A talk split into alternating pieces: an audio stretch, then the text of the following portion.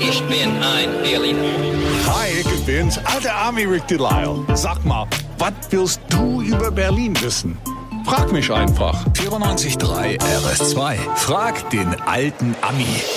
Guten Morgen, Rick. Du bist ja ein kleiner Hampelmann heute Morgen, ne? Du bist ja, Ja. wie ein Rumpelstilzchen so ein bisschen. Ich- Ganz ich- aufgeregt. Ja, so, exakt. Ich bin Ja? total aufgeregt, weil die Ricarda ist am Telefon. Ach, ist das süß. Rick Ja. und Ricarda. Exakt. Hi. Hi.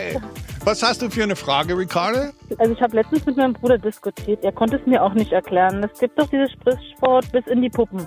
Ja. Und das ist ja auch so ein altes Berliner Sprichwort. Was bedeutet das aber oder von wo kommt es?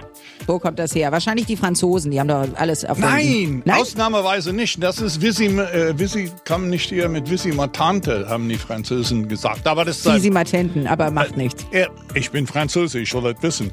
Also, der Spruch stammt aus der 18. Jahrhundert und damals standen am großen Stern im Tiergarten große Statuen.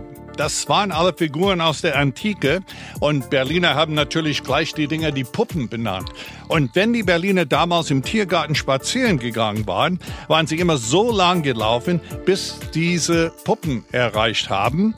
Und dann hieß es, na, bis in die Puppen gelaufen, sozusagen. okay. Ja, die, die Puppen äh, Hey. stehen heute noch.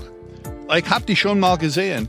Äh, auf der Citadel Spandau. Mhm. Echt Berliner Geschichte. Wenn du ein Berliner bist, musst du einmal die Puppen nicht nur äh, gelaufen, sondern auch gesehen haben. Und nicht nur bis in die Puppen tanzen, sondern die Puppen sehen und, Und bis in die. Puppen, genau. Genau.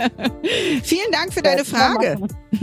Alte, ungenutzte Gleise, davon hat Berlin ja viele. Welche Bahnstrecke bald wieder zu neuem Leben erweckt wird, hörst du morgen, denn was auch immer du über Berlin wissen willst. Frag den alten Ami. Auf 94.3 RS2.